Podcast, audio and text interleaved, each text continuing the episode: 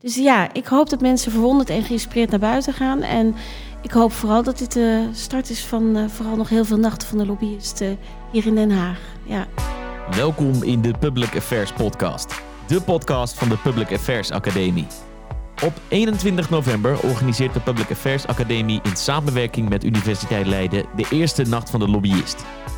Verschillende sprekers uit de praktijk van de public affairs, wetenschap, journalistiek en politiek geven tijdens deze avond hun kijk op het beroep van de lobbyist. In deze podcast kijk ik, Daan Musters, vooruit op de avond met Marielle van Oort en Aaron Wonik van de Public Affairs Academie en Anne de Haai, directiesecretaris van het Kunstmuseum in Den Haag. De nacht van de lobbyist zal gaan plaatsvinden in het Kunstmuseum in Den Haag. En daar zitten we ook eh, deze ochtend. Goedemorgen alle drie. Goedemorgen. Um, straks wat meer over de nacht van de lobbyist. Um, daar gaan we het uitgebreid over hebben. Maar misschien net zo interessant, uh, Anne, is dat het museum, uh, een museum zoals het Kunstmuseum, ook nou ja, veel te maken krijgt met lobby. Ja, ja. Nou, wij noemen dat uh, zelf niet lobby, maar het is zeker waar. Als museum uh, waar wij vroeger nog geacht werden, vooral ons met puur kunstinhoudelijke zaken bezig te houden, zijn musea steeds meer een speler in het maatschappelijk veld geworden. En dat beeld is nog niet altijd bij iedereen even goed op het vizier. En wij werken er wel hard aan om dat beeld bij te stellen. Ja, als je dat zo ook als lobby zou typeren, dan ja, zeker. En, en hoe uitzicht dat dan? Uh, nou, wij hebben diverse uh, maatschappelijke programma's um, die wij uh, echt hard proberen onder de aandacht te brengen van onder andere de politiek, het bestuur, maar ook belangrijke stakeholders in deze stad, onderwijsinstellingen. Um, ja, daar proberen wij die programma's wel beter voor het voetlicht te brengen. En dan moet je denken aan, um, we hebben programma's waarbij we alle inwoners van Den Haag, ons stadstedenproject, in het museum uitnodigen voor een eigen avondje uit. Maar we hebben ook programma's voor statushouders we hebben uh, een programma uh, dat een bijdrage levert aan eenzaamheid, uh, tegengaan van eenzaamheid. Ja, dat zijn dan wel de programma's waarmee we die maatschappelijke rol die we al vervullen, proberen kracht bij te zetten. Ja. ja, en dat is wel interessant, want ik denk als mensen aan lobby denken, en dan kijk ik even naar jullie. Ja, dat klopt wel, ja. Ja, dan zullen ze hier niet per se aan denken. Nee, nee, en dat maakt het wel interessant dat je eigenlijk uh, lobby steeds meer ook kan zien als een soort maatschappelijke positionering. Uh, recent ook uh, een boek uh, over verschenen, waarin eigenlijk de, hele discussie rond belangenbehartiging, public affairs, lobby, noem maar op, eigenlijk veel meer in een maatschappelijke context wordt gezet. Van oké, waar kun jij vanuit jouw organisatie een maatschappelijke meerwaarde bieden, waardoor je ook beter, krachtiger kan positioneren en je veel meer een partner kan zijn van, in dit geval, lokale overheid. maar we hadden het ook even over provinciale overheid, om eigenlijk te kijken van op welke manier kun je daar op een goede manier mee omgaan. Dus het is wel heel leuk juist dat we hier ook, uh, laat ik dan maar gelijk de link leggen, de Nacht van de Lobbyisten organiseren. Om misschien wel juist vanuit dit huis, als ik zo mag zeggen, uh, ook een, een wat breder beeld te, neer te zetten. En ik hoop vooral ook dat een heleboel mensen die een beeldvorming hebben bij een lobbyist, ik weet niet hoeveel kopjes koffie jij drinkt, maar um, om daar gewoon eens eigenlijk te kijken van hé, hey, maar waar gaat het nou echt over? Dus uh, des te leuker dat we in dit huis onze eerste nacht mogen organiseren. Ja. Uh, Aaron, dan kom ik even bij jou, want dan gaan we het even hebben over wat nou ja, de, de nacht van de lobbyist precies gaat zijn. Zou je het dus ja. even kort kunnen beschrijven? Uh, ja, de avond begint met een, uh, met een inloop waarin je kan genieten van de uh, tentoonstelling van Monet, exclusief. en ja, daarna volgt een plenaire uh, opening met een aantal keynotes. Uh, die gaan we nog bekendmaken. Uh, vervolgens hebben we drie keer drie deelsessies, verschillende onderwerpen, media en politiek, een sessie over waarom ambtenaren en lobbyisten elkaar niet begrijpen, een, een, sessie over toneel en politiek, dus noem maar op. en ja, we sluiten vervolgens af met politiek cabaret. Uh, en het is misschien ook wel leuk om te vermelden dat we uh, hebben ook een, uh, een diepte-interview tussen Sven Kokkelman en Alexander Pechtold. Um, waarover later veel meer.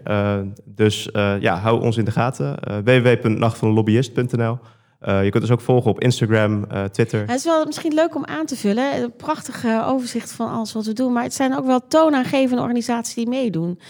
We hebben de, in de NGO-sessie bijvoorbeeld hebben we de directeur van Amnesty International, we hebben Alzheimer Nederland, we hebben Wanna de Kanter, denk ik bekend voor een heleboel mensen. als ik kijk naar de journalisten, we hebben journalisten van WNL, Martijn de Geven, Sven Kokkelman zit daar natuurlijk vanzelfsprekend ook bij, maar ook Vrij Nederland is vertegenwoordigd. Als ik kijk naar de wetenschap, hebben we het over de VNSU die aanwezig is, de LSVB die aanwezig is. Uh, we hebben ook een Belgische lobbyist als het gaat over bedrijfsleven. Daar zit ook uh, iemand vanuit Coca-Cola. Um, dus het is echt een heel palet aan organisaties en mensen die daaraan meewerken. En die ja, vol enthousiasme ja hebben gezegd. En zoals Aaron zei, we zijn nog bezig eigenlijk met de laatste puntjes op de i. Maar wij zijn wel ontzettend geraakt door het feit dat zoveel mensen eraan mee willen werken. En ook het zo een actueel onderwerp vinden. Dus het is misschien wel goed om aan te vullen. En dat maakt ook, en ik praat hier ook even namens Bert Vrouws van de Universiteit Leiden, die er vanochtend niet bij kan zijn. Maar het maakt ook dat we eigenlijk beide, zowel de universiteit als wij, super ja, trots en enthousiast zijn dat dit ja, blijkbaar ook onder sprekers die we benaderen zo ontzettend veel uh, ja, oproept. En uh, uh, ik denk alleen maar dat het, uh, het wordt alleen maar mooier de komende weken. Ik kan niet anders zeggen. Het wordt alleen maar mooier. Dus wat Aaron ook zegt, hou onze website in de gaten. En meld je vooral aan. Het gaat best snel, dus meld je vooral aan voor de kaarten. En ook studenten zijn meer dan welkom. Ook dat misschien goed om te vermelden. Met een aangepaste toegangsprijs, omdat wij ook snappen dat die zeer geïnteresseerd zijn, maar een uh, andere prijs uh, nodig hebben daarbij. Dus uh, ik zou zeggen, vooral kom naar de website, meld je aan, bestel je kaarten en kom. Kan niet anders zeggen. Um, een van de dingen die ook nou ja, bij deze Nacht van de Lobbyist horen, we zitten in het Kunstmuseum in Den Haag en daar is op dit moment ook de tentoonstelling van Monet. Um, en die kunnen de bezoekers ook gaan bekijken, heb ik begrepen, toch? Zeker. Um, en dat is wel grappig, jij vertelde net ook dat daar eigenlijk ook een hele lobby aan vooraf is gegaan. Kun je dat eens beschrijven? Uh, ja, dat gaat eigenlijk twee kanten op. Want zo'n Monet-tentoonstelling, dat organiseer je niet zomaar, kan ik je vertellen. Want dat gaat echt om de internationale topstukken van musea uit het buitenland die wij hier naartoe halen.